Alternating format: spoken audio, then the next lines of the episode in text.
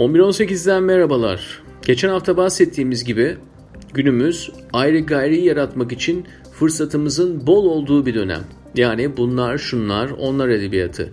Gerçeklikte çatallanmış vaziyette. Yani kimimiz kırmızı hapı aldı, kimimiz mavi hapı. Artık kimin taraftarı isek onun anlattıkları bizim gerçeklerimiz haline geliyor. Onun sevmedikleri de bizim sevmediklerimiz haline geliyor. Şimdi bir düşünün etnik bir gruptan olabilir veya cinsel yöneliminden dolayı olabilir. Skala çok geniş, bir kişiyi tamamen kendi sosyal çevrenizden aforoz edebilirsiniz. İki tane uç örnek bahsedelim mesela. Şimdi bir tarafta her gün evinizden çıkar çıkmaz ilk kırmızı ışıkta arabanızın durduğu yerde köşede duran Suriyeli mülteci veya çocuğu veya çocukları. Diğer taraftan ise Instagram'da takip ettiğiniz, gözünüzü kestirdiğiniz, o göz kamaştıran renklere sahip giysiler giyen ve veya o tür evlerde yaşayan e, arkadaşlarınız olabilir, tanıdıklarınız olabilir veya daha muhtemel selebritiler olabilir, dizi kahramanları olabilir. Şimdi bu ikisi de değilsiniz. Bu ikisinden de başkalaşmış bir haldesiniz. Peki neden hep ayrısınız? Neden hep gayrısınız? Neden hep onlardan başkasınız? Özge Doğar bize anlatacak. 11-18'e konuk oldu. Tüm samimiyetiyle bize kendini açan Özge'yi dinliyoruz.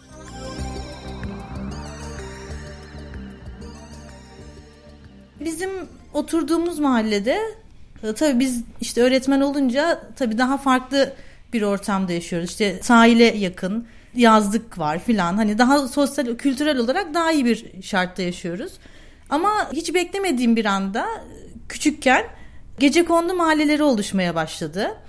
İşte geldiler mahalleyi kirlettiler işte rezil ettiler işte tu, tukaka falan ya herkes onlara karşı bir kötü duruş vardı. Ama işin kötü kısmı bu insanlarla bizim ortak bir dilimiz de yoktu. Yani birbirimizi tanımadan onlar bizden çekiniyorlar ve biz onları sevmiyoruz. Ve evlerinde pencereleri yok. Muşambayla işte pencerelerini kapat kapatıyorlar. Her önlerinden geçtiğimde yani nasıl yaşıyorlar? Neden bu şekildeler? Nereden geldiler? E, tabii ben bu sorgulamaları devam ederken liseye geçtim. Liseye geçtiğimde bu sefer bir felsefi görüş ortaya çıktı. Çünkü artık hayat sorguluyordum. Hayatı yapılandırmak istiyordum. İşte en basit durum işte meslek seçimi. Ben ne olacağım sorusu. Bu meslek seçimini yaparken açıkçası insanlara hizmet etmem gerektiğini düşündüm. Ama bu hizmet hakikaten onları değiştirici ve dönüştürücü olmak zorundaydı. Çünkü bir şey vermeliydim, bir şey katmalıydım. Tabii o reddedilen gece kondudaki çocuklar aynı zamanda benim sınıf arkadaşlarımdı. Hani öyle bir kozmik durum da var ortada. Tabii bu süreç onlarla daha yakından arkadaşlık kurmam ve tanımama neden oldu.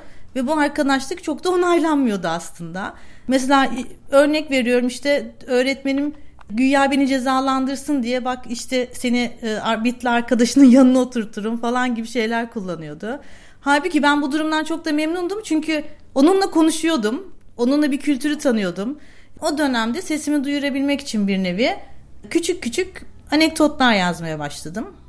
Bu yazı işi aynı zamanda isyan niteliğinde de olduğu için çok da insanların işte Özge yazsın e, işte biz onun hep arkasındayız falan türünde bir şey değildi. Hatta tam tersi Özge yazmasın türündeydi.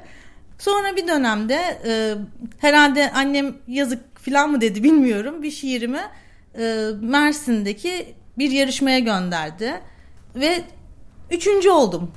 Ha, bu beni teşvik etti çünkü demek ki ben bir şeyleri eğer devam ettireceksem, devam ettiriyorsam onun e, mutlaka insanlara bir tesiri geliyor. Mutlaka bir sonucu gelecek diye baktım olaya. Hala öğretmenim. Aynadaki Sır benim altıncı kitabım. Arada bir tane yazdığım çocuk kitabım var, çocuk romanım var.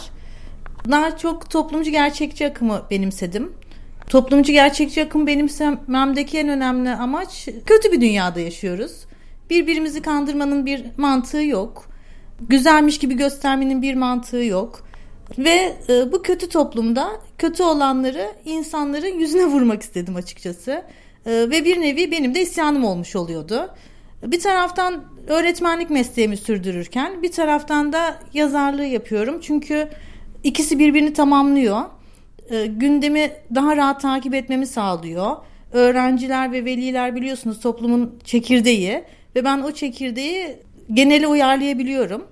Bu genele uyarlayış benim de farklı açılardan insanları değerlendirmeme neden oluyor.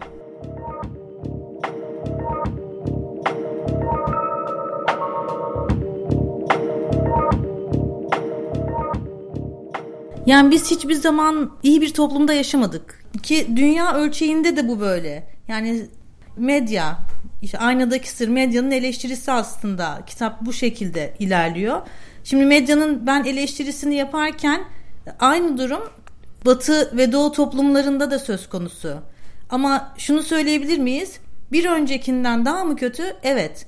Çünkü sistem bir öncekinden her zaman daha kötü olacak ki orada iyi bir şey türetsin, sonra onun pazarını yaratsın, o pazardan başka pazarlar çıksın, sonra yeniden düzeltsin, yeniden dağıtsın.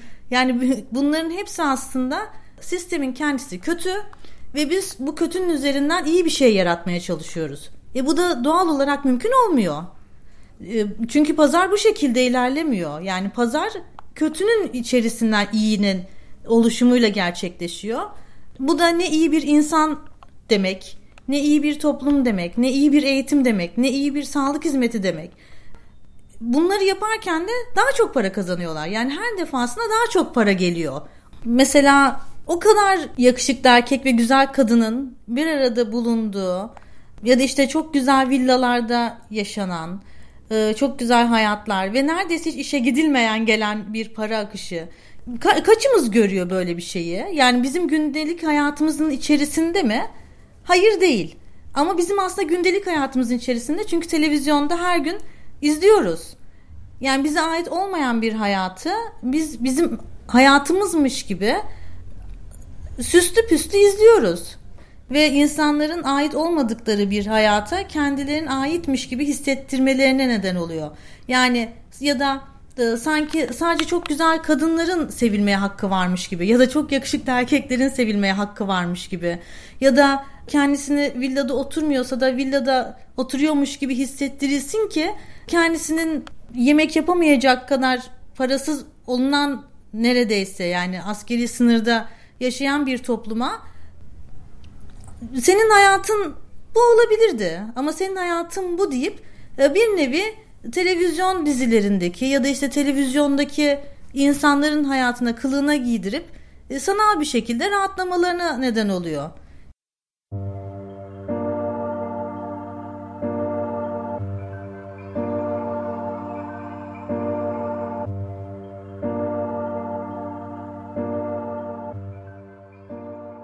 Biz kendimizin kim olduğunu, işte gerçekten nereye gitmek iste, istediğimizi, gerçekten ne olmak istediğimizi bilmeden yaşıyoruz. Bize sunulan bir sistem var ve o sistemde diyor ki sen okula gideceksin, dört duvarın arasında okuyacaksın. Hani okul mantığı da ters. Çünkü çocukları dört duvarın arasında hapsedip de onlara e, akademik anlamda bir şeyler yüklemek aslında e, çok da insani değil. Yani hareket halindeki bir canlıya biz diyoruz ki 40 dakika boyunca sırada oturacaksın ve hiç hareket etmeyeceksin ve sadece öğretmenini takip edeceksin diyoruz.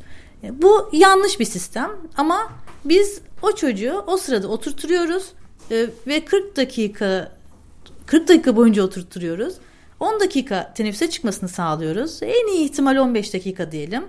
Öğretmen eğer bunun farkındaysa 20 dakika ders anlatıp geri kalanında çocukla sosyal faaliyetler yapabiliyor ama o sınıfın içerisinde yapıyor. Örnek olarak söylüyorum bunu. Çok da insani değil. Bunu gerçekleştirdikten sonra diğer bir boyut devreye giriyor. Sen okulunu bitireceksin. Sen e, iyi bir meslek sahibi olacaksın. İyi bir meslekten iyi bir meslek sahibi olmanın gerekçesi e, iyi bir para kazanma. Yani iyi ölçülerde para kazanma. Bir evin, bir araban olacak şekilde yaşayacaksın. Evleneceksin, çoluğun çocuğun olacak ve ona iyi bir hayat sunacaksın. Bu böyle devam ediyor. Bu çark böyle devam ediyor. Ama gerçekten bunu yapmak istiyor muyuz? Ya da gerçekten bunların içerisinde mi olmak istiyoruz? Yoksa kendi özgürlüğümüzle ya da işte bizi bıraksalar gerçekten bunları seçmek isteyecek miyiz? Bunu bilmiyoruz. Bize sunulan bir sistem var bizim önümüze konulmuş bir durum var ve sen bunu yapmak zorundasın. Eğer bunu yapmazsan sen kötüsün. Başarısızsın hatta. Kötü de değilsin, başarısızsın. Başaramadı. Sen işte üniversite sınavını, sınavını başaramadın. Sen işte evlenmeye karşısındır ve ay evde kalmış falan hani aslında sen ev, evlilik sistemine karşısındır. Farklılıkları hazmedemiyoruz. Kendimiz gibi yani o sistemin içerisinde olmayan farklı diyebileceğimiz insanları zaten kabul etmiyoruz. Onların varlığıyla yaşamayı hazmetmiyoruz. Örnek veriyorum kadın vardır, erkek vardır. Bir de işte üçüncü cins dediğimiz başka bir durum vardır ve bu hormonal bir şeydir. Ama varlıkları bile aslında insanları rahatsız eder. İşte evimiz varsa e, kiracı olarak onları istemeyiz. Onlarla aynı ortamda yaşamak istemeyiz. E, dışlarız ama bu dışlanan insanlar bir kolektif bir hayat sunduklarında da kendi yaşam alanlarını sunduklarında da bu sefer aa işte bak kötü oldukları için onlar bu şekildeler. Hani sen hem toplumdan dışlıyorsun yani kendi içine almıyorsun hem de diğer taraftan onları şey olarak görüyorsun. Yani kötü olarak görüyorsun çünkü içine çekmiyorsun. İş vermiyorsun, işte aş vermiyorsun, ev tutmalarına izin vermiyorsun. Çünkü benimsemiyorsun. Farklılıkları kabul etmediğimiz için doğal olarak da o farklılıklar belli bir süreden sonra isyan durumuna giriyor.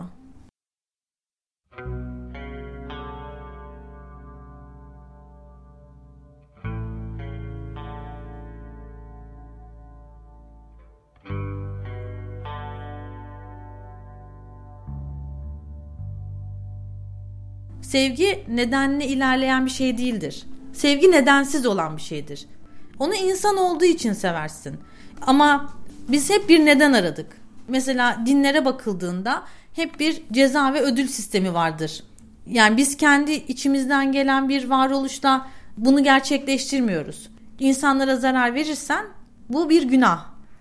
Ya da insanlara iyi davranmalısın sevap kazanmak istiyorsan. Ama biz şunu çıkartabiliriz. Evet biz iyi olma yolunda mücadele ediyoruz. Bir duruşumuz olmalı ki bu toplumun insanlar için daha iyi hale getirilebileceğini gösterelim. Örnek veriyorum işte eğer 5 tane çocuktan 2 tanesi tecavüze uğruyorsa biz iyi bir toplumda yaşıyoruz. Müthiş bir insanlığa sahibiz. Ne kadar güzeliz diyemiyorum. Diyemiyorum çünkü böyle bir dünyada yaşamıyoruz. Yani çıkıp da kendimizi aldatmanın da bir an, anlamı olmuyor. Ve bunun içinde bir tavır sergilemek gerekiyor. Yani bir duruş sergilemek gerekiyor. Yani 12 yaşımdan beri böyleydim. Canımı acıtıyor ve aynı can yanma benim gibi olan diğer insanlarda da olsun ki bir değişim sağlansın istiyorum. Ha çünkü e, şunu da biliyorum. Biz gerektiğinde o kötünün kötü olduğunu ve daha iyi şartlarda yaşayabileceğini göstermek zorundayız. Biz o tuşa basmak zorundayız. Tamam anlıyorum. Kapitalist sisteme bağlayabiliriz bunların hepsini. Sistemin çarklarının dönmesi için hiyerarşi pekala gerekli. Bunun medya kolu da dört bir yandan sarmış etrafımızı, diziler, reklamlar, yeni medya kanalları derken sürekli insanları sıralayan ve var olan ayrımları derinleştiren bir algı manipülasyonuna uğruyoruz. Buna da peki.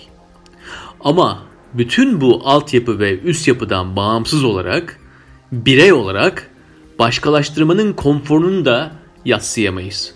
Karar vermek oldukça maliyetli bir icraat. Ayrıştırdığın zaman karar vermek kolaylaşıyor. Kim üstte, kim altta bir sıralama düzeni kuruyorsun ve böylece bir değer sistemi kuruyorsun. O zaman kağıt para ile bozuk para arasındaki farkı algılayabileceğin zaman diliminde yani saliselerle ölçülebilecek bir zaman diliminde karar verebiliyorsun. Müthiş hızlanıyorsun. Vereceğin kararların çoğunu da bu konforlu yerde veriyorsun. Tonlarca sosyal çevrede değişik değişik roller yapıyoruz. Hızlı yaşamın gereği bu.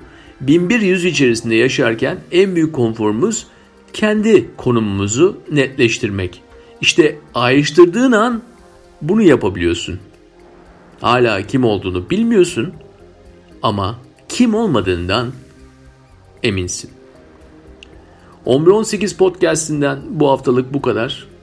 Gelecek hafta yeni bir konu ve yeni bir konukla tekrar beraberiz.